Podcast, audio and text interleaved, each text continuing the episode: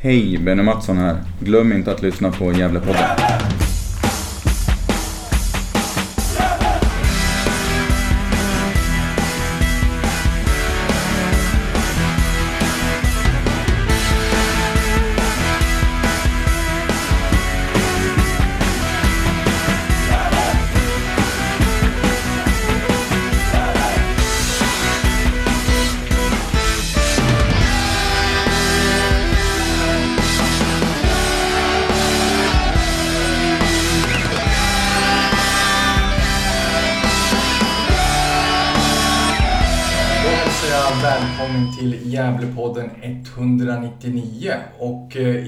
Idag så gästar tränaren i Gävles A-lag eh, Mikael Bengtsson oss. Välkommen! Tack så mycket, tack så mycket.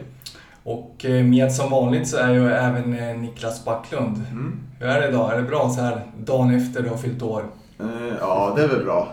Jag gillar inte så mycket uppmärksamhet egentligen. Jag tycker det är jobbigt. Det var en jobbig dag på jobbet. Ja, det har varit jäkligt jobbigt för nu är det ju kanske fler än vanligt som får veta att du Ja, fyller år. precis. Ja, det är lite speciellt. Det är, det är, man blir alltid glad när man blir uppskattad, men lite jobbigt så centrum. Så här, jag vet inte. tycker- Ja, det är ingen fara Niklas, vet du, åldern är bara en siffra. Ja, vad säger det va? Ja, det är ju så. ja, ehm, jag tänkte att vi skulle börja prata lite om eh, matchen senast mot eh, TAG. Eh, och tänkte börja med att tacka för underhållningen. Det var ju otroligt eh, trevligt och många minnesvärda mål. Eh, vad tycker du om matchen? Eh, ja, men jag tycker väl att vi gör en match som, som är i rätt riktning för oss, om jag uttrycker mig så. Eh, eh, jag tycker att vi någonstans börjar egentligen få lite saker på plats. Eh, och eh, då tycker jag också att det kan se ut som det gör. Eh, sen så... Sen är det väl så, eh, tillbaka lite grann till det vi har gjort och jobbat med också, det här med att, att spela en hel match 90 minuter och så vidare. Mm, lyckas vi bättre mot Haninge än vad vi gör den här gången tycker jag, men eh, det är fortfarande steg vi håller på att ta i det också. Så att, eh, eh, som helhet 90 minuter tycker jag vi, vi ska vara väldigt nöjda med vår prestation. Eh, sen resultatet givetvis är ju, är ju någonting man alltid gläds åt när man vinner såklart, men jag, jag har liksom försöker särskilja där nästan alltid på, på resultat och prestation. Det tror jag är extremt viktigt. Så att, eh, resultatet fantastiskt att vinna en, en division 1-match med 5-1 såklart, givetvis. Eh, men jag är också väldigt, väldigt nöjd med stora, stora delar av vår prestation i, i matchen. Mm, och många snygga mål också som sagt. Ja, det får man väl säga. Vi, faktiskt så eh, hade vi på vår träning idag där vi tog upp lite delar igen av den matchen. Vi gjorde det även i, i måndags, eh, analys av matchen. Men vi lyfte även upp lite delar ur, ur matchen idag innan träning teoretiskt. Och eh, egentligen tittade jag på lite klipp, speciellt hur vi gör mål framförallt. Och eh, ja, gör vi mål på grund av att det är tur eller eh, på grund av att det finns strategier i det. Så att vi lyfter upp det lite grann och försöker liksom någonstans säkerställa och få med vad är det vi har jobbat med, vad är det vi har tränat på, syns det när vi gör de här målen, syns det när vi, när vi spelar vårt spel. Eh, så det tycker jag är en viktig del att, att återkoppla och ge feedback på att inte bara okej, vi vann med 5-1, bra nu, kör bara nästa match, utan någonstans återkoppla på ja, varför vinner vi med 5-1, eh, vad, vad är det i vårt spel som vi har jobbat med och vad är det då vi gör bra. Mm. Och ser man målen ett par gånger så tycker inte jag att det ser ut som att ni har haft tur utan det ser ju faktiskt ut att vara en tanke bakom målen.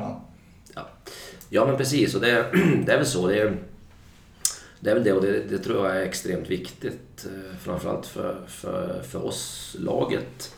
Att någonstans just särskilja på det här resultatet och prestationen. Att vad är det vi jobbar med varje dag? Vad är det, vad är det vi vill försöka uppnå för någonting? Och vad är det, vi, vad är det för olika typer av strategier vi jobbar med? Och hur är det när det inte funkar och hur är det när det funkar? Så att det, det, det, det är otroligt viktigt att vi hela tiden ger, ger, ger återkoppling och feedback på det lika väl som när det inte är bra. Mm. Eh, Var det någonting du tänkte på Niklas när du såg matchen? Ja, jag håller med mycket av det ni säger. Det är otroligt eh, eh, fart, full fart från början. Och tycker även intressant den här dimensionen eh, vi har fått i anfallsspelet nu med när vi kör med fyra backar igen. Att det kommer betydligt högre upp, både Nisse då och eh, Sutso den här matchen så, och matchen innan. Och att det är fler dimensioner i det. Att, eh, för tidigare har jag upplevt att då har de liksom blivit tvungna på något sätt, Alvin exempelvis, att göra sin, sin gubbe då, vilket han är väldigt duktig på. Men eh, det har blivit mer omständigt. Jag tycker det är mer lättare nu att komma fram på kanten och komma till inläggsspel. Att, Mm. eh, och att det är lite mer, lite mer variation i anfallsspelet också. Eh, som vi ser på krossarna här ut till, till Nisse, Nisses inlägg bland annat. Som illustrerar mål. Eh, men hur, har- hur har tankarna gått där liksom med, med om du tänker på att vi startar den här matchen med, med två ytterbackar som egentligen är i normala fall mittfältare då. Det, är det en konsekvens av att dels är det lite skador i backlinjen såklart men Ejeblad är ju på, på bänken sån här match. Hur gick tankarna?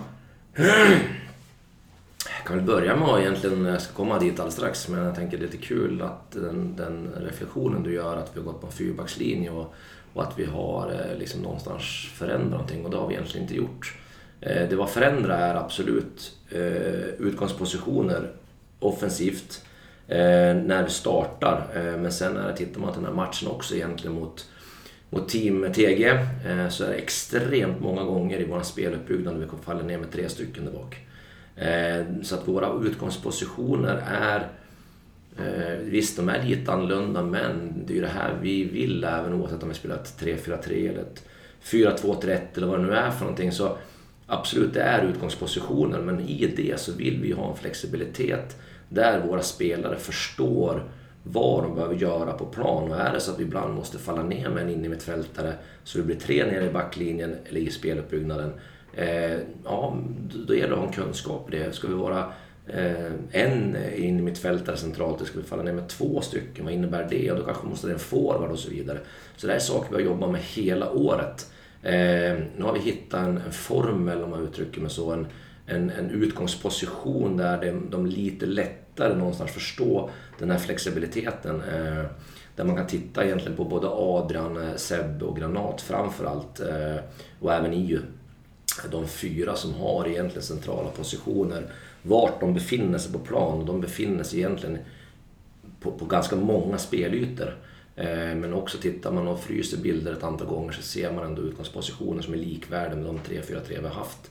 Eh, så att jag skulle nog säga att absolut, det, det är en liten del är det, men jag skulle ändå säga att förståelsen till vad vi vill göra och hur vi ska försöka spela fotboll har blivit bättre.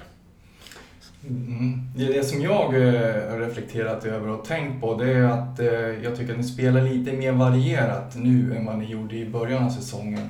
Lite rakare och försöker komma lite snabbare till avslut. Är det något sånt som ni har diskuterat? Ja men, ja, men absolut. Eh, det är väl såklart att jag, jag har väl eh, Jag har väl förstått eh, en viss kritik, om man nu får uttrycka mig så, på att vi inte skapar så mycket målchanser. Vi kanske inte riktigt får med så mycket spelare i anfallen och så vidare. Men jag har väl ändå försökt förklara på något sätt att där är en process och processen är att vi lägger så mycket tid på i vår speluppbyggnad att vi förstår det. Sen är det sådär att, jag menar är man inte för naiv och så mycket spel? Jo absolut, men det krävs den metoden för att förstå. Eh, sen med det sagt så är det klart att då, då blir det ju klart att du blir begränsad i någonting annat. Men jag skulle säga att precis det som vi har gjort från början är effekten av det vi gör nu, att vi kan vara flexibla i flera spelytor med olika spelare. Som gör att vi faktiskt kan fortsätta ha en ganska, ganska kontrollerad speluppbyggnad med våra, våra, våra passningsstrategier. Men med det sagt att kunna värdera när vi kan släppa de ytorna och gå fram med spelare. Så att det är en process som har pågått från egentligen dag ett skulle jag säga. Eh, och jag tycker att eh, eh vi, vi har tagit steg i det här, definitivt. Men eh, eh, vi har fortfarande en ganska lång bit kvar. Har det varit någon, någon bit under säsongen där du, där du känt själv att börjat tänka till nu måste vi göra någonting på ett annorlunda sätt? Nu har vi kört fast just i den här biten av, av spelet. Eh, det skulle vara väldigt lätt tror jag att göra det om jag skulle bara utgå från att analysera resultaten. Då, då skulle det vara väldigt lätt tror jag att börja och, och, och tveka i vissa delar och, och någonstans börja fundera på vänta nu, var, varför gör vi, vi måste- vi måste göra något annorlunda. Men som jag sa så, så tycker jag att eh, tränarens uppdrag är ju såklart visst vinna matcher. Det, det, det är det det går ut på. Det är inget snack om saken. Så det tänker jag inte hålla på och försöka förklara bort. Men vikten av att analysera på rätt sätt och den, den prestationen man faktiskt gör blir ju någonstans en, en också en, en, en parallell väg med resultatet. Är vi på väg åt rätt håll? Eh, och ser man att vänta, vi, vi, vi, vi, vi kommer ingenstans i vår utveckling. Vi kommer ingenstans med de, de, eh, de delar vi håller på att jobba med. Ja, då måste man ju börja fundera på, dels är det rätt metod vi använder för att lära ut? Eh, är det rätt överhuvudtaget metod att använda på det, här, på det här sättet och så vidare. Och jag har faktiskt aldrig tvekat en enda gång faktiskt på att vi inte gör rätt. Eh, jag, jag, jag känner hela tiden att, att det finns från träningsmatcher till egentligen alla matcher så har vi hela tiden kunnat sett fragment av saker som vi har jobbat med och tränat på som, som gör att det finns ingen tvekan på att vi känner att vi är på rätt håll. Och eh, Nisse gör ju en supermatch. Ja, verkligen. Ja. Mm. Hur är tankarna där? Vi kan återkomma till det. Ja, precis. Vi skulle göra det varför vi startade med, egentligen kan man säga, två eh, nästan mer eller mindre forwards mm. som, som ytterbackar. Eh, nej, men dels absolut, en, en parameter var väl kanske också dels lite, lite skador och, och så vidare. Eh, sen, sen är det ju det att det är klart att eh, dels så, så är vi ju väldigt, väldigt fokuserade på vårt spel. Vad behöver vi göra och vad, vad, vad, vill vi göra med vårt spel? Sen finns det ju alltid en parameter på vad, vart är motståndarnas svagheter eh, kontra vad, vilka spelare vill vi ställa upp med då. Och vi kände väl egentligen det att både Nisse och Ciuci i det här fallet, om vi tar just den här matchen specifikt, så, så kände vi att vi visste att vi skulle kunna få ut på kanter. Vi visste att vi skulle kunna ha nytta av att ha spelare som, som, eh, som är mer offensiv än defensiv i det här läget. Så utifrån det så tog vi det valet. Hade ju eh, Mehmet sa förra året om en anfallare vi hade förra året då. Vet inte när det var för det här var off, off the record så men han sa att den anfallaren hade, han hade problem när han avslutade. Eh, och Nisse har ju haft problem med att inläggen har ofta flugit väldigt långt bort. Mm. Men den här matchen var det ju superbra inlägg. Mm. Är det något som ni har tränat på, på träningen speciellt sådär? No, på? Ja, alltså det, Nisse har varit medveten om det. Det, det är inget konstigt med det. Va? Eh, och det är också relaterat tillbaka till träningen idag som var lite komiskt. Att han slår ett inlägg idag som är ja, jättehög klass. Isak Lidberg gör en bicicletas i krysset. Mm. Eh, och där jag egentligen bara skämtar med Nisse. Det var för två månader sedan, han hade legat på läktaren. Mm. Ja, jag vet, säger han. Mm. Så att han, han, och det är här någonstans jag, jag älskar det här jobbet. För att spelarna blir också medvetna och faktiskt driver sin egen process att bli bättre. Eh, och vilket Nisse har gjort i det här fallet. Eh, det handlar inte alltid bara om att gå in som tränare, nu gör du som jag säger, nu gör du så här, nu gör du så här. Utan medvetgöra spelarens förståelse till ja, men både styrkor och brister och sen lägga, lägga det i spelarens intresse att ja, men vill du bli bättre så, så ta även ansvar för det. Va? eh, vilket Nisse har gjort i det här fallet, eh, tycker jag. Mm. Uh, ja, ni har ju som sagt gjort uh, eh, 17 mål nu på, på fem senaste matcherna och man lär väl säga att det kanske har lossnat lite grann nu med, med målskyttet. Vad, mm. vad tycker du att det beror på? Uh, ja, men jag, jag, skulle säga egentligen att det, vad det beror på är ju att vi någonstans har börjat förstått vår speluppbyggnad. Vilket gör att vi, vi, vi inte behöver lägga varken egentligen så mycket eh, uppmärksamhet eh, som spelare i att, att lösa speluppbyggnaden. Vi, vi, vi klarar av att förstå när vi behöver vara nere med många spelare, när vi inte behöver vara det. Eh, och då i det fallet såklart att eh, förstår vi det, där vi säger att vi, vi, vi klarar av att spela tre mot två där nere. Eller vi måste vara fyra mot tre eller vad det nu är. För det handlar ju om en, matematisk formel hela tiden i de här spelytorna. Som gör att, okej, okay, vi, vi, förstår, vi börjar förstå att okej, okay, då innebär det att jag behöver inte vara längre ner i banan än vad jag behöver. Vilket gör i sin tur att då, klart att då, då har du lättare också att passera motståndarnas linjer. Du får ju mera folk med in i sista tredjedel och så vidare. Eh, att vi ja, eh, kunna kunna gjort mål, det har jag sett på träning att vi kan göra. Sen handlar det också om att komma dit och skapa de riktigt bra målchanserna såklart. Mm. Eh, ni har ju varit lite ojämna under säsongen. Eh, och blandat och gett lite sådär eh, bra och dåliga insatser och sånt där. Jag hade en liten teori om, eh, om varför och får se om du delar Ja, spännande. Jag är Ja. jättenyfiken. Ja, den är inte så avancerad egentligen. Utan, utan eh, jag kan tänka att eh, det är ett relativt ungt lag. Eh, inte sådär otroligt bred trupp heller. Och ett ganska tufft spelschema. Och därför tror jag att, att vi upplever den här säsongens Gävle som lite ojämna. Att, att, jag tror att, man är, att ni är lite sliten, alltså spelarna är lite sliten emellanåt. Mm. Ja. Ja, ja, har jag rätt? Eh, Tror ja, ehm, ja, men dels är det, det, är- det är återigen tillbaka, det är en väldigt eh, komplex eh, fråga av var, varför är man upp och ner i matcher. Sen är det ju det att det finns ju inte ett lag som spelar 90 minuter på sin högsta nivå. Det, det gör man ju inte. Det, det skulle jag säga inte något lag i världen som gör. Eh, däremot så är det såklart att deras eh, Eh, oftast lag som ligger på högre delar av serier och allt vad det är. Så det är klart deras lägsta nivå är ju väldigt, väldigt hög plus att den är ju också väldigt kort under vissa sekvenser i matcher.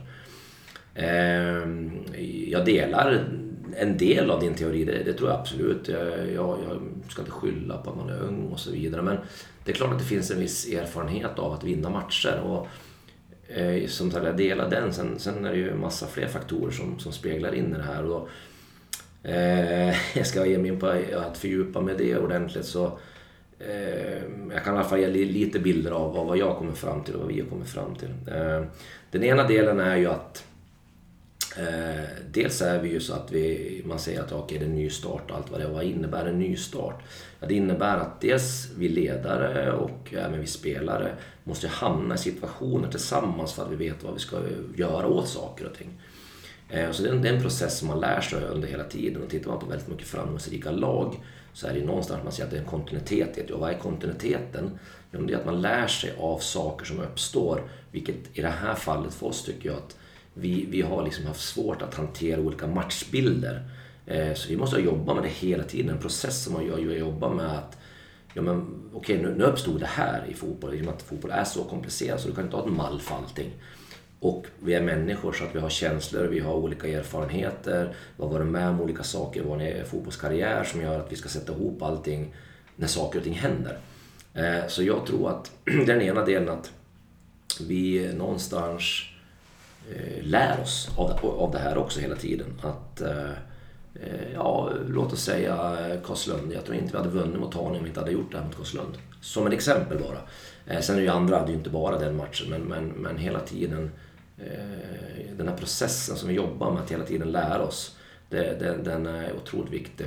Och sen är det ju såklart att det, tittar man kanske på kulturen och Gävle och så är det klart man, man, man jag vet inte om, det är klart vi måste lära oss att vinna. Det är det, vi måste lära oss att vinna. Vi ska inte lära oss att och, och, och, eh, skydda oss, utan vi ska lära oss att vinna. Och det innebär också olika saker i matcher, att vi måste göra olika saker i matcher. Eh, så det är också en, en process att lära sig. Så att, eh, ja, en, något delight-version i alla fall skulle jag säga. Men som jag säger, det, det är mer fördjupade saker än så givetvis i det här. Men, men, eh, och sen är det ju klart att det finns en mental aspekt i det här som gör att eh, vi också håller på att lära oss. Eh, vi kan ta exempel eh, som ett, ja, ett bra exempel tycker jag ändå. Eh, Berga borta exempelvis. Ja, vi gör väl kanske inte en kanon första halvlek, absolut inte. Men vi gör en halvlek där det är 70-30 bollinnehav. Eh, vi har sju eller åtta avslut. Eh, det står 0-0. Så mentalt så är ju vi, går ju vi in i den periodpausen, eh, halvtidsvilan, att ja men fortsätter vi göra det vi gör så, så vinner vi matchen. Och fortsätter vi att jobba med vårt offensiva spel, fortsätter vi att tänka offensivt och bla bla bla, så, så, så löser det sig. Problemet är där att Berga kommer ju ut då med en annan del. De har precis klarat av 0-0. Så de måste ju höja sig, de måste ju börja göra någonting för att förändra matchbilden. Så de försöker ju såklart att, från att vi kanske taktiskt tekniskt första halvlek har fått dominera första halvlek, så går ju de in i andra halvlek egentligen med ett mentalt och ett fysiskt spel som vi egentligen inte riktigt Vi förbereder att fortsätta våra taktiska, tekniska spelet. Som gör att, oj vänta, vad händer? Vilket gör att vi inte klarar av den övergången tillräckligt snabbt och blir tyvärr lite skärrade eh, och, och så vidare. Så att det är någonting vi måste lära oss, att, att vi, vi, vi måste spela i alla de här skedena. Eh, och sen är det det att har man ett bollinnehav av 70-30 första så samma där, att lära sig mentalt klara av att ja, men andra halvlek kanske inte är 70-30, det kanske är 50-50 i bollinnehav vilket innebär att vi måste försvara mycket mer. Ja, för, gör vi det tillräckligt bra eller förstår vi att vi måste göra det tillräckligt bra eller tror vi bara att vi ska fortsätta spela offensivt? Mm. Så det är också en, en, en, en parameter som man ska ta hänsyn till. Så att, tycker det... Ja. Ja, nej men som sagt, återigen, det, det, det, är klart att det, är, det finns mer detaljer i det här att diskutera.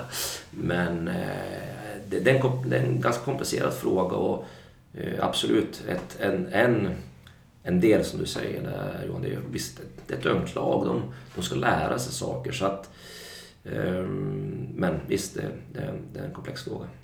Jag tänker att fotboll är en stor del som i schack, både mentalt och eh, spelmässigt. Att som du säger, om man går in med en ledning 2-0 hemma på Karlslund, då, då väntar vi på något sätt på motståndarnas motdrag. Och de kanske pratar mer om det i halvtid mm.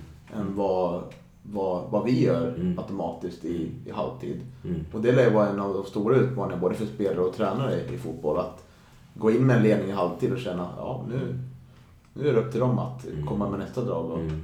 Svårt att veta liksom. Prat, prat, tänker du på det under matchen? Hur, hur kommer liksom de göra nu liksom? Ja, absolut. Mm. Och, just mot den matchen, Karlslund, så skulle jag nog säga mer eller mindre att det enda vi pratar om i halvtid är att vi, vi bör vara förberedda på att någonting kommer hända med Karlslund. De kommer komma ut med en annan energi.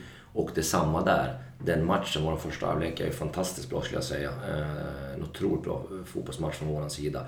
Och varför den är bra, det är för att vi spelar i, mest i de skedena eller de delar av att det är tekniskt taktiskt. Det är inte så extremt fysiskt spel den, den, eh, den halvleken.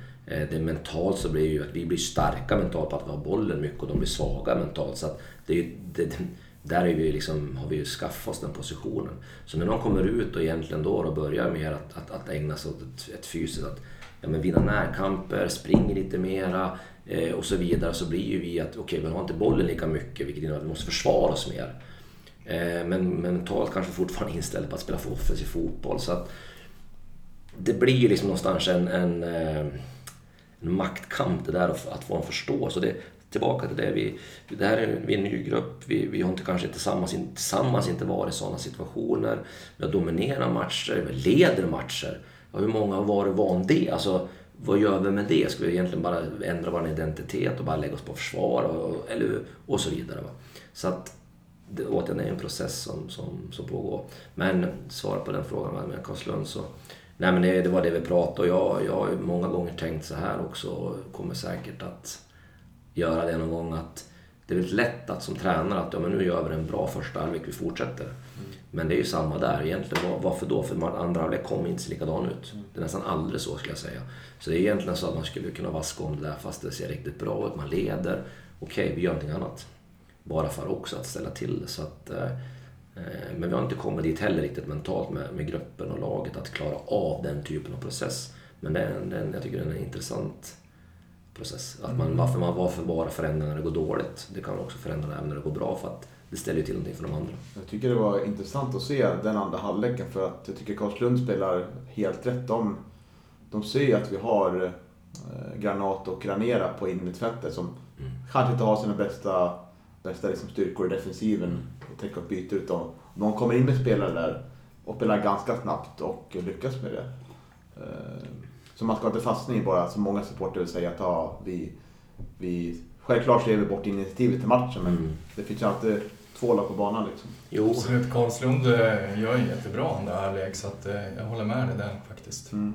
Sen är det ju sådär också tycker jag om man, om man nu ska uh, verkligen analysera den ordentligt så så är det så att vi gör ingen jättedålig halvlek utan det är för att vi, vi förlorar matchen med 3-0, eller den halvleken med 3-0. Så det är klart, tillbaka till det då. Resultatet förlust med 3-0 är ju för, det är tok för dåligt. Men tillbaka till prestationen. hur gör de målen och varför uppstår målen? Jag menar, det är tillbaka där vi gör inte tillräckligt bra defensivt arbete. Vi är inte mentalt påkopplade att göra ett hårt arbete i defensiven för att första se ut som den gör. Vilket blir, så, vi blir straffade. Två gånger egentligen av samma anledning. Sen ett, ett skott som, som är på 35 meter och touchar och går in. Ja, det är svårt att säga det träningen efter att nu ska vi träna och försvara oss mot det här. Mm. Det är klart att det finns detaljer där. Att hur är vår uppflyttning? Kommer vi upp tillräckligt snabbt för att pressa bollhållare och allt vad det är för någonting. Men ja, det, det är snarare tycker jag att, att de detaljerna i de målen som de gör med, med vårt försvarsspel är inte tillräckligt bra. Mm. Jag tänkte på det, just det här tuffa spelschemat som ni har. Det, du tycker inte att det är något som eh, påverkar er på det viset? Nej, egentligen inte tycker jag. Eh, tittar man egentligen på eh, våra matcher tycker jag ändå att, ja, speciellt på slutet om man får säga så, tycker jag att våra första halvlekar också har varit väldigt bra. Så vi är ju ändå återhämtade då. Sen är det klart att det är alltid svårt att vara helt återhämtade. Men Eh, jag, jag upplever med, med samtal med spelare och så vidare så upplever jag ändå att man är eh, fysiskt ändå relativt återhämtad. Så Mange då, som fystränare gör ju ett, ett, bra jobb där och, vi väljer ju också att, att äh, lite skojsamt tycker jag, men om man frågar spelarna så lovar jag att de kommer säga att vi gör ingenting annat än äter på våra bortamatcher exempelvis. Att vi, vi trycker i oss mat verkligen ordentligt och, och så vidare. Så att, och samma där. Det, alla har samma tuffa spelschema. Så att, eh, jag upplever inte att eh, det är det som är stor anledning till varför vi kanske sviktar i vissa matcher. Det, mm, skulle inte säga det. Okej. Okay. Ja, vet du, en annan fråga som engagerar supportrarna ganska mycket naturligtvis och eh, det är ju din fortsättning i klubben. Mm. Hur, hur går tankarna kring, kring en fortsättning i, i Gävle IF nästa säsong? Eh, ja, mina tankar eller min situation, alltså mina, mina tankar egentligen. Ja. Eh, ja, men alltså mina tankar är ju såklart att vi lika väl som, som jag säger så, så är det en process som, som, som kommer att ta tid. Eh, och den processen kommer ju inte vara klar i år, den kommer kanske inte vara klar nästa år heller. Eller, och så vidare. Men någonstans måste vi återigen se att vi, vi tar steg. Och, Eh, för mig är det så här att det, är så lätt att man egentligen då kanske någonstans säger att ja, men superettan ska vi upp till. Ja, absolut. Ja, det är klart man vill det, men hur ska vi ta oss dit? Hur ska vi ta oss till superettan? För mig är det en process som gör att vi måste alltid bli bättre. För det är ju så här, hade vi varit tillräckligt bra så hade vi spelat superettan. Såklart. Så att vi är ju inte där, vi är inte ens toppen av den här tabellen, så vi måste ju bli bättre. Och det är ju den enda processen vi, vi kan jobba med, den här, med det här laget. Den processen är ju inte från en vecka till en annan, utan det, är, det tar ju lite tid. Och, eh, så, så länge man, tycker jag i alla fall, kan säkerställa att processen är på väg åt rätt håll så, så, så är jag otroligt inspirerad och, och, och har liksom verkligen gått igång på att jobba med det. Så jag, jag ser ju, egentligen ser jag det om jag, med mina egna tankar ser jag det här som en det är ju en, det är klart att det är en, en, en ett flerårigt process. Mm. Och jag vet att, att klubben vill ju gärna att du fortsätter mm. och även nästa år och, och förmodligen ett par år till också mm. naturligtvis. Och jag vet att eh, i intervju med Hugo Ådvall så sa också om att det fanns en del detaljer som du hade lyft fram eh, mm. som, eh, som, som måste lösas. Och då blir jag lite nyfiken på de där detaljerna. Är det någonting du kan avslöja kring det? Nå, nej, men det är mellan mig och klubben givetvis. Men... men eh, är det något yeah. mer kring liksom hur, hur organisationen kring klubben ska se ut sådär? Eller, eller något mer för redskap för dig i din tränarroll? Ja, nej men... Är något sånt?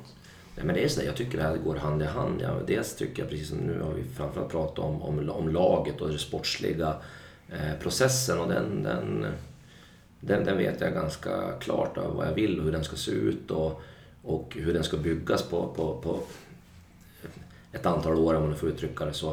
Eh, men det går inte att göra det själv utan det måste också klubben vara beredd och då pratar inte jag bara om delar utan det, det, för mig är det så att ska Gävle IF ta sig upp i Superettan så är det klubben som ska ta sig upp i Superettan. Och då är det inte det att det här lag som ska ta sig upp i Superettan. Det är, alla måste göra det. Alla måste förstå vad det innebär och förstå att vi, vi tillbaka till det här med att förstå att vad, gör, vad måste vi göra för att vinna?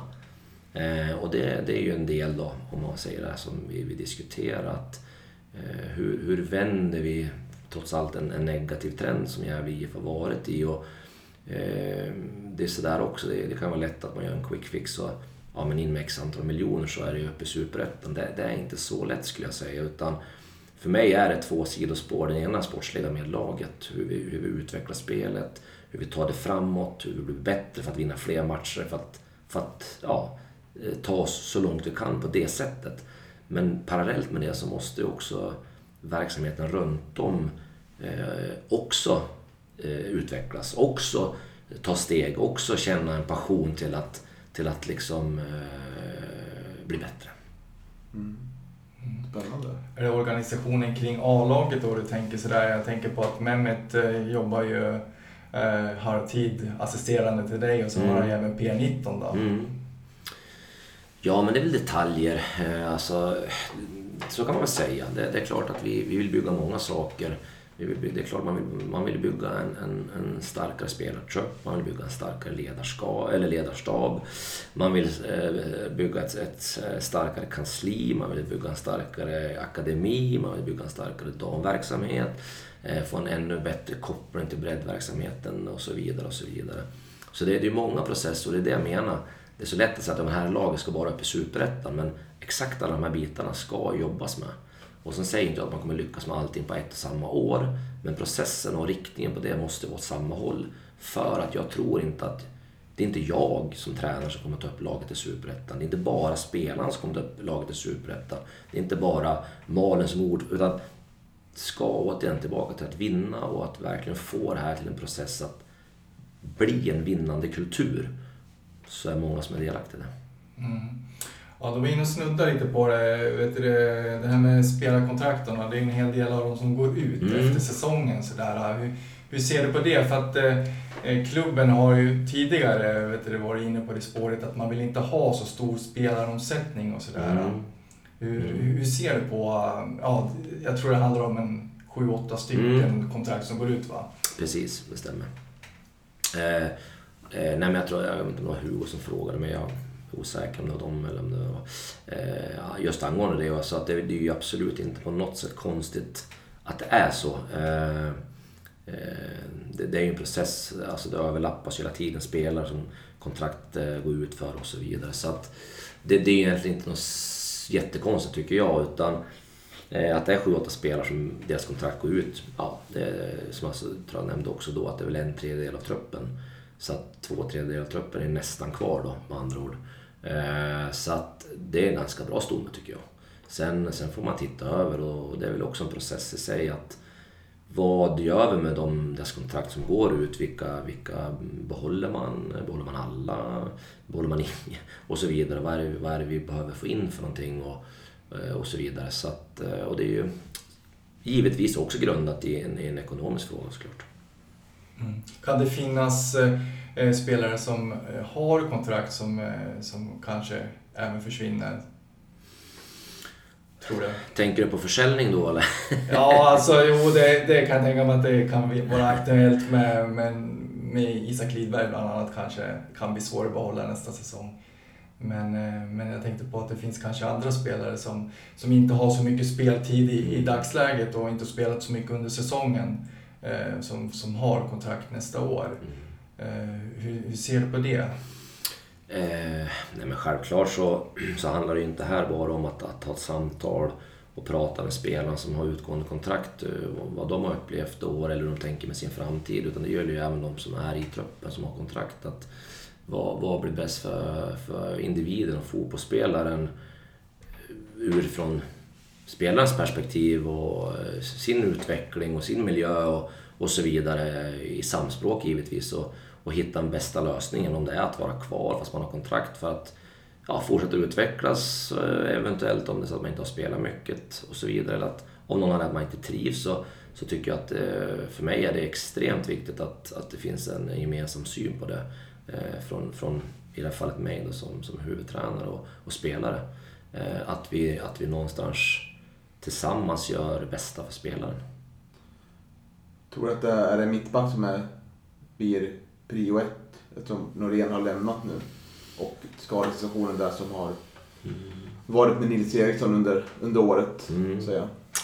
Ehm, ja, jag skulle säga så här. Vi eh, tittar nog ganska mycket på alla positioner egentligen. Eh, och eh, sen är det ju där att eh, vart vill vi förstärka? Vad, vad i vårt spel behöver vi liksom bli bättre i?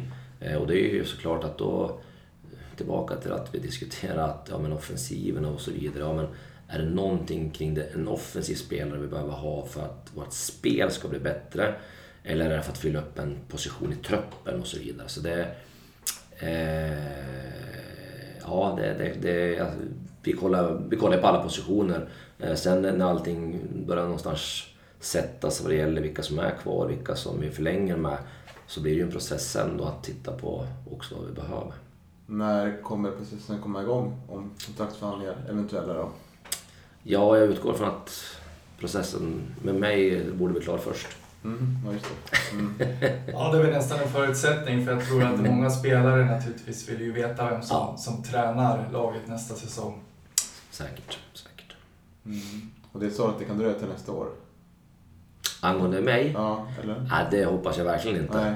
Ja, jag- inte jag- jag heller. Ja, förlåt. Nej, men jag, nej då. Jag, jag skulle väl säga att jag... eh, Både, ja, tillbaka till det. Både, både för min skull, för klubbens skull, för spelarens skull så, så hoppas väl jag att vi eh, har eh, kommit fram till någonting. Vad det nu är för någonting så har vi kommit fram till någonting inom en ganska kort framtid. Mm. Och eh, Hudiksvall går upp nu. Mm, just det. Ja, kul. Mm. Mm. Och eh, då kommer jag att tänka på, inte apropå dem, det är kul att de gick upp, kan vi nämna ändå. Absolut, det är väldigt, väldigt kul. Det känns vi behöver att- fler Norrlandslag. Ja, absolut. Eh, Det känns som att Sundsvall, eh, de har ju kontakter där. Vi träffade ju Benny Mattsson för några veckor sedan här i podden Mm, just det. Ja. Eh, Legend Mm. i alla kretsar, eh, får man säga. Vi träffade din gamla assisterande tränare också, till dig. Eh, Håkan Staffrin skulle jag tro. Ja, precis. Ja, just det. Också verkar skön lirare. Ja, då, absolut. Fina pojkar i Sundsvall. Ja. Eh, tror du kan backa upp med fler Sundsvallsspelare med din koppling dit? Eller Hudiksvallsspelare för den delen? Mm, ja, eh, ja, absolut. Jag ska inte säga att jag inte skulle säga det var, vore möjligt. Utan, eh, för mig är, jag gick en liten utbildning förra året bland annat med, med scouting. Och för mig är ju det, man, man, man, ska man scouta en spelare eller ska man rekrytera en spelare så är ju liksom processen är någonstans kanske mellan fyra till sex månader. På grund av att du bör se spelaren, tycker jag, i, i flera olika typer av miljöer. Om det går bra för laget, går dåligt för laget, hur reagerar spelaren? Eh, spelar man på olika positioner eh, och så vidare. och så vidare. Och nu, det är bara utifrån det sportsliga och sen har du ju nästa del, människan bakom spelaren. Vad är det för person? Eh, Eh, vad händer om han får en motgång eh, och så vidare. Eller eh, vad har han för grundvärderingar och sådär. Så att, eh, för mig är det extremt viktigt att, att eh, de där går hand i hand. Absolut fotbollskompetens, det, det, det är klart att det måste finnas en viss del av det.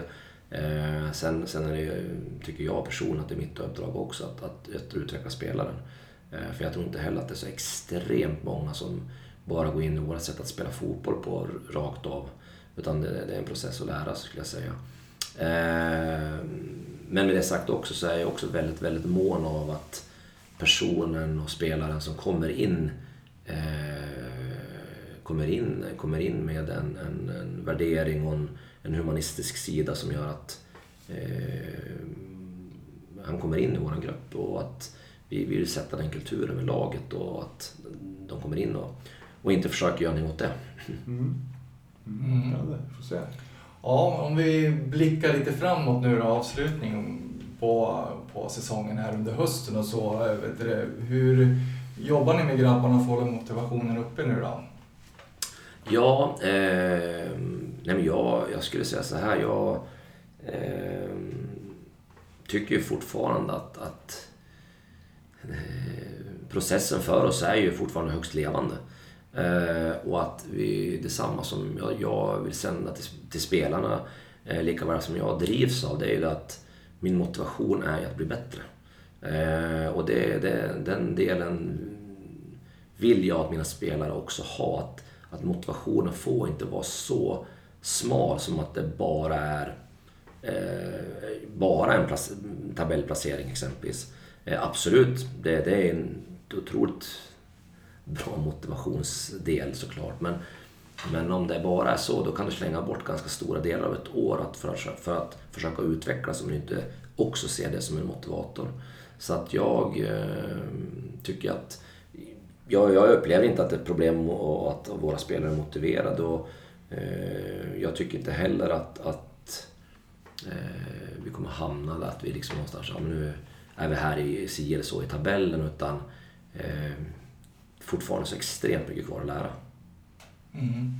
Ja, någonting som jag skulle tycka var väldigt trevligt om ni skulle kunna vet du, klara av och, och hamna på plus i plus minus statistiken faktiskt. För jag tror inte att det har skett sedan, Ja, sedan 2004 eller något sånt där. Ja, just det. 2003 kanske. Jag har Ja, aning.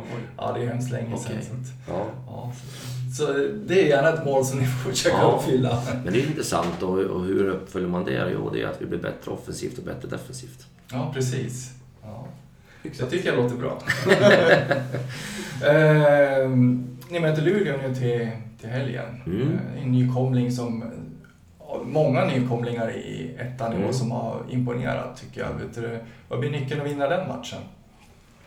Eh, jag sitter väl egentligen i processen nu och håller på just att analysera dem då. Och, ehm, det är klart att det, det, är- man tittar inte bara på en match utan det är en process som, som, som tar lite tid. Eh, men eh, Eh, egentligen så tillbaka då till, till egentligen grund och botten så vi kommer alltid ha först och främst inriktning på vad, vad i våra spel är viktigt. Eh, vad behöver vi göra i vårt spel för att vi ska få en bra prestation? Med det sagt så är det klart att sen går man ju också in och som sagt var i det här fallet mot Luleå att ja men hur jobbar de med sitt försvarsspel? Eh, vad kan då vi använda? Vad vi vill i vårt offensiva spel? Vart har de sina svagheter? Kanske hos en spelare eller vad det nu är för någonting. Att använda det. Eh, och tvärtom lite styrka och så vidare. Vad behöver vi se upp med? Eh, men absolut så, så, så är det klart att det, Luleå har, har gått bra. Speciellt de förlorade bara här med 2-1 mot, mot Vasalund i, i måndags.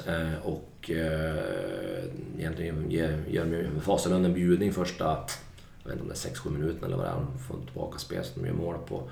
Eh, och sen är det väl en fast situation de gör mål på tror jag. Eh, sen tycker jag faktiskt Luleå, jag ska inte säga driver matchen i andra men ja, men de är inte alls sämre än vad Vasalund är. Så att, eh, absolut en, en, en, som du säger, en bra nykomling och ett, ett, eh, ett lojalt lag mot varandra och sitt spelsätt. Mm. Mm. Uh, gick ut skadad i matchen mot Team TAG och uh, Louis Kanga spelade inte alls. Hur, Mm. hur ser det ut för de grabbarna nu inför helgen? Mm. Eh, Ciuccio tränar för fullt idag, så det, det, det är nog inga konstigheter överhuvudtaget. Eh, Lo fick ju också en smäll mot eh, Haninge. Eh, och jag skulle vilja säga mer eller mindre att det är ja, mer säkerhetsdelar. Vi, vi, han tränade inte idag heller, men utgår från att han tränar imorgon då. Sen får vi se hur, hur, hur det känns för honom och så vidare. Så att, kanske lite svårt att svara exakt på det på söndag hur det kommer att vara. Hur går processen för våra eh, Sundsvallskillar? Mm. Eh, Nils Eriksson och eh, Mm. Friman. Mm. Hur, hur ligger de till? Precis. Eh, Nisse, om jag börjar med han så eh, hade jag nog trott och hoppats på att han skulle nästan vara i något typ av spelskick snart. Tyvärr så har den processen verkligen stagnerat och ja, tyvärr så, så går det inte framåt för honom. Eh, Så vi måste nog börja ta ett beslut vad, vad vi behöver göra med honom. Eh, än att bara kanske rehabba det han har gjort nu hittills. Eh, vi behöver ta det till nästa nivå för att se vad, vad vi behöver göra. Eh, och Sebastian Friman är också, han är egentligen i full träning nu. Eh, dock så har han ju varit borta länge så det är en process också för han rent fysiskt att komma tillbaka i, i, i slag då. Så att eh, eh, Ni- Nisse, eh, ja, eh, tveksam på att det är någon, någon snabb process tillbaka på han skulle jag säga. Eh, Sebastian Friman är mer eller mindre, får jobba upp lite för oss. Är det så illa att säsongen är körd för Nisse för speltid överhuvudtaget skulle jag säga? Eh, jag, s- pff, ah, det blir för stor spekulation tycker Mm. jag just nu att säga det. Men Ehm, som sagt, jag, jag hade för två veckor sedan, eller vad det nu var, så hade jag nog, hade nästan hoppats, hoppats och trott då att han skulle snart vara spelduglig här, i det här skedet. Men eh, ligger egentligen kvar på samma. Så att, och i och med att det inte har hänt något speciellt mycket så känns det ju lite oroväckande. Om vi spekulerar lite nu då. Om, eh, om säg Calabane och eh, Ejeblad är borta. Är Albin då första alternativet att spela mittback bredvid Kevin då? Ja, om man är tillbaka så. Ja. Vem är annars alternativet? Ja, ja, då får vi hitta på något. Det är du kanske? Därför, ja, vi får hitta på något. Ja. Eh, nej, men det är klart att visst, eh, det här är väl en, en process eller en del eh, som är eh, en, en nöt att knäcka. Mm. Håller dig vaken om nätterna? Ja, det är en massa andra saker som jag kan säga. Så att, eh, men eh, nej då. Vi har, vi har väl ändå både lite backup och hur vi kan tänka. Mm. Ja, då, då var jag klar med mina frågor, men det var så att vi, vi har fått lite frågor från eh, supportrarna och fansen. Mm. Mm. Sådär, och eh, vi har en supporter som heter Linda Westerlund. Hon undrar hur det står till med ditt närminne. Ja, jo, precis. Eh, ja, hon, hon, hon skrattar nog gott åt mig många gånger tror jag. För att jag, jag vet inte hur många gånger jag går från Gavlevallen och går tillbaka. Eh, det är nog mer ett, ett eh, ja, eh, rutin jag har på något sätt som gör att jag, jag går därifrån och sen har jag alltid glömt någonting. Så att blir påmind ganska ofta av henne av det. Du gillar att gå runt och filosofera om tankar och sånt? Grejen är så här då, får jag svara Linda på det där. Det är bara att jag, när jag går så tror jag att de slutar jobba så jag går egentligen tillbaka och kollar om de fortsätter jobba. Ja, jag kan ju annars relatera till det där. Jag är exakt likadan. Jag vet inte hur gammal är du Micke? Ja, alldeles för gammal. Ja, exakt. Ja, precis. Det var det där med åldern, jag på en siffra. Ja, just det, så var det. Ja, och jag, jag kan relatera. Jag är exakt likadant också. Själv. Ja, Ja. ja. Ja, eh, sen har vi nicknamet Sörby IP. Eh, han undrar vad din bild av Gävle är som förening nu i jämförelse med när du kom. Mm, Okej. ehm. ja... Uh,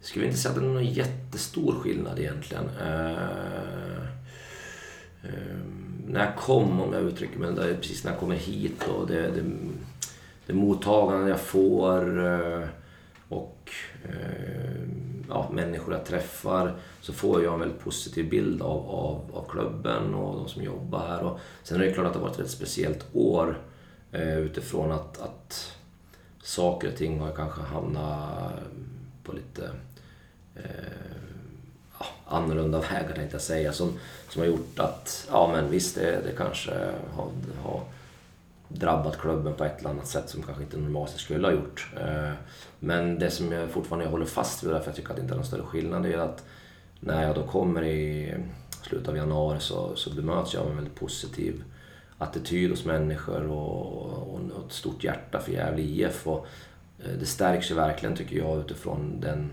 den situationen klubben har fått hamnat i, vilket alla andra har gjort givetvis. Men människor tar det ju på olika sätt och jag tycker fortfarande att man har försökt jobba på samma sätt ändå och man har försökt ändå ha, ha liksom, hållit modet uppe. Så att, eh, och det, det är ju också en annan del som gör att jag tycker att det känns väldigt spännande och, och liksom eh, kul att kunna titta framåt med det här. Var det någonting när du kom till klubben som du hade, som du hade en fördom innan som inte visade sig vara sann? Eh, Är det något du var orolig över? Ja, nej, det ska jag väl inte säga. Uh, nej, orolig. det, men, men, det är klart att... eh, det är klart jag kom ju till en situation eh, med, med, med klubben som, som egentligen har haft sedan 2015, kanske undantag med ett halvår, en höst, som, som, som, som har varit väldigt negativt, eh, negativ ton liksom. Och man, man har liksom mer eller mindre ja, eh, rasat eh, ur serier ekonomiskt. Man har fått kapa personal eh, och det är folk som är kvar då från den tiden och så vidare. Och där, där har det funnits en, kanske en, en oro att okej, hur ska de orka fortsätta att ta den här processen vidare liksom. Ehm, så det är väl egentligen en, en, en del som jag har varit orolig för att liksom komma in i någonting som, som ja, har varit på väg neråt om man nu får uttrycka mig så. Eh, och hur ska egentligen de runt om hantera det och så vidare.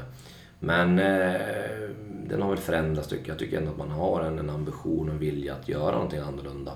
Eh, så att eh, det, det, det känns jättebra. Sen, ja, tillbaka till det så, det är klart innan jag kommer till klubben så eh, ska vi någonstans kanske inte sticka under stolen med att man har väl ändå haft en liten speciell bild av Gävle IF eh, på hur man har spelat eh, och så vidare, lite sådär. Eh, men eh, ja, jag lägger väl ingen värdering i det, hur man har att spela, men det har ändå varit en känsla av att det är väldigt mycket försvarande, skydda sig, överleva och så vidare. och så vidare. Och jag, jag, jag vill ju vända på det och, någonstans att vi ska inte överleva utan vi ska leva.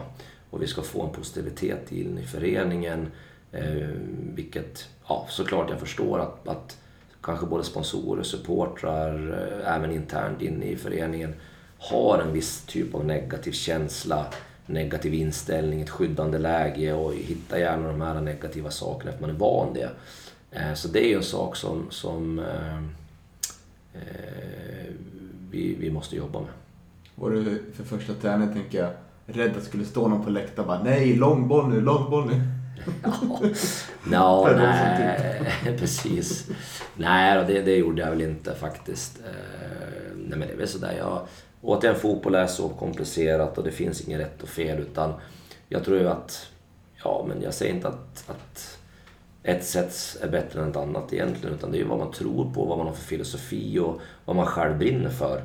Eh, sen är det klart att den, den filosofin och den tron du, du, du har ska ju någonstans relatera till att du får en framgång givetvis, annars är det ju konstigt. Mm. Så att eh, Eh, det, det, handlar ju inte bara om att vi ska göra eller spela på ett speciellt sätt för att vi tycker att, ja, eh, av någon anledning det är någon trend eller någonting, utan det är ju fortfarande ett, ett sätt som jag tror är en, en, en framgång och, och också faktiskt i slutändan skapa en positivitet, en glädje och ett mod. Eh, och som sagt var inte kanske ett, ett skyddande och försvarande läge. Och nu pratar jag inte bara kanske om, om spelet utan även som, som kultur. Uh, så det, uh, det, det, det är väl vad jag önskar. Mm. Mm. Ja, vi har Buller-Enok och eh, det här är en lite rolig fråga måste jag säga. Eh, en mycket bra övning eh, på fotbollsträningar på 80-90-talet var idioten. Jag minns att eh, bland annat Stefan Lundin ofta körde idioten med GIFs A-lag i Allsvenskan 83. Kör GIFs A-lag 2020 idioter på träningarna. Vad hette övningen sa du? Idioten. Ja, precis. Ja, exakt. Ja, bra svar. Ja, eh, Buller-Enok eh, undrar också eh, vilken domare som du tycker i ettan, vilken som har dömt Gävle den här säsongen, vilken är det som håller bäst nivå? Eh, oj, jag vet inte om jag kan alla namnen på domarna om jag ska faktiskt säga ärlig, men... Eh, eh, så jag, ja, men jag måste nog kanske ändå säga Test, tror jag, som hade Sollentuna bland annat. Eh, eh, som jag egentligen bara egentligen kommer till minnes nu. Och varför tycker jag det? Jo, men jag tycker ändå att det är en det är en domare, generellt tycker jag domar som ändå någonstans kan, kan ha en acceptans till att det finns eh, reaktioner hos människor, både som, som ledare och spelare, men att någonstans kunna föra också en kommunikation eh, såklart att särskilja på en reaktion av en person eller en spelarledare till att ha en kommunikation och kunna bedöma att personen är fortfarande inne i en reaktion. Eller om man nu kan försöka föra en konversation. Så det tycker jag är extremt viktigt och det, det uppskattar jag väldigt mycket som domare. Mm, ja, jag kan ju förstå det. Du, du eldar på rätt bra där på, på linjen faktiskt. Ganska nära att gå upp på läktaren. Ja, ja, ja, kanske, kanske inte. Men eh, som jag sa, jag, reaktion är ju en sak tycker jag. Sen, sen när man börjar prata om kommunikation så skulle jag inte säga att jag, inte i alla fall utifrån min bedömning, beter mig illa på något sätt. Eh, det skulle jag inte säga att jag på något sätt säger nedvärderande saker eller att jag eh, på något sätt gör så. Sen, sen har man väl en åsikt givetvis och det är det jag menar. att Kan man också ha den, den kommunikationen med en domare av att ja, sen behöver man kanske inte reda ut allt där och då men att det finns någon typ av en, eh, ja, men en förståelse eller vad det nu är för någonting. Så, så, ehm, så jag uppskattar det i alla fall som tränare som sagt. Det gör jag. Jag tycker det var ganska fint den här matchen när, jag kommer inte ihåg vilka jag mötte nu, när, när motståndarlagets mål blev bortdömt efter att dom, huvuddomaren hade pratat med linjedomaren. Och du var ganska upprörd då. Mm. Jag kommer inte ihåg vilka vi mötte då. Du Ja, vet vilka jag pratar om? Karlslund. Nej, Ja. Karlslund var Ja, borta. Och det tyder på en bra, bra domarinsats att kunna liksom, Mm. att inte kunna ändra på sitt beslut. Mm. Sen kanske det tog lite för lång tid i den här processen, när det på flera minuter. Ja. Men ja, det kanske är en konsekvens av att man som då, tränare ändå visar känslor och Ja, alltså, ja, jag tycker det och någonstans så ska vi inte fördjupa oss i vad han och jag stod och pratade om. Men, men eh, det är klart att det är, en, det är en reaktion för jag tycker att det är ett fruktansvärt felaktigt beslut av att det tar på domarna i dagens regelbok så är det att då, du blåser av spel i alla lägen.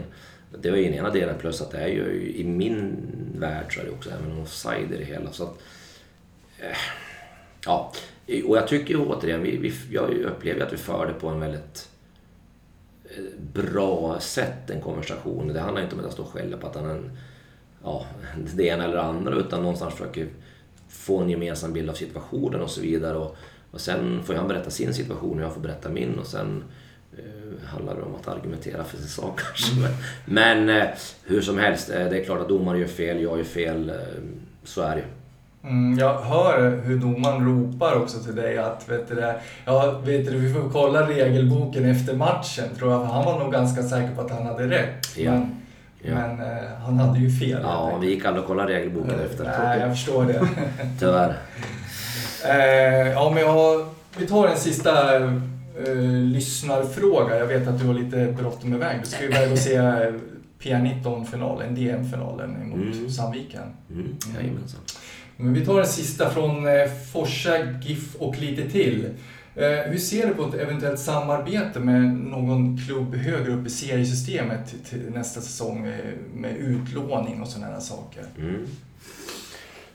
Eh, ja, generellt är jag nog ganska, jag är rätt så positivt inställd till det. Ehm, men det är också en process som, som eh, vilket kanske börjar bli tydligt att ja, men jag, jag, jag är ju en person som gärna vill ha kontroll på mycket. Men det som är det där, det är ju det klart att dels så tänker jag att att låna in en spelare så, så är det väldigt viktigt varför spelaren kommer hit. Är det en spelare som kommer hit för att ja, men jag ska spela några matcher och sen ska jag tillbaka till min klubb och så är det med det. Ja, vad, hur mycket kommer han in och brinner för klubben och för oss och för laget och så vidare. Eh, det är ju en sak, jag säger inte att de inte kan göra det men det är ju också en väldigt param- viktig parameter att det, att det funkar. Eh, det andra är ju att det måste ju vara en klubb som någonstans har någon liknande filosofi som oss. Eh, både fotbollsmässigt men också pedagogiskt tänker jag. Annars kan det också bli lite fel tycker jag.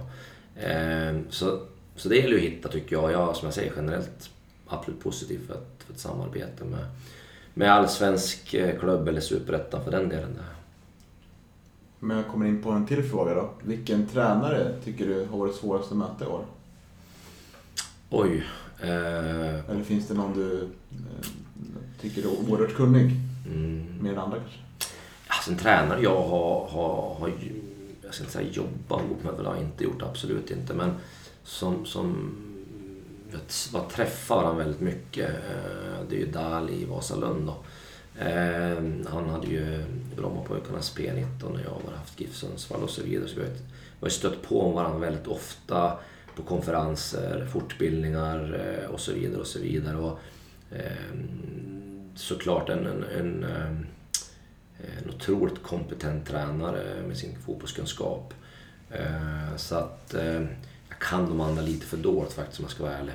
Men eh, han är den jag känner till bäst och där kan jag absolut säga att jag har en eh, som, som har en otroligt stor fotbollskompetens. Dale Savic, det, är, som sagt, eh, de var nykomlingar förra året, var ett topplag och eh, går ju som tåget den här Mm. säsongen. Så att, eh, Mm. absolut, eh, Mm. verkar vara en väldigt duktig Mm. tränare. Mm. Han lyssnade på den här podden förr. Jag vet inte om han gör det fortfarande.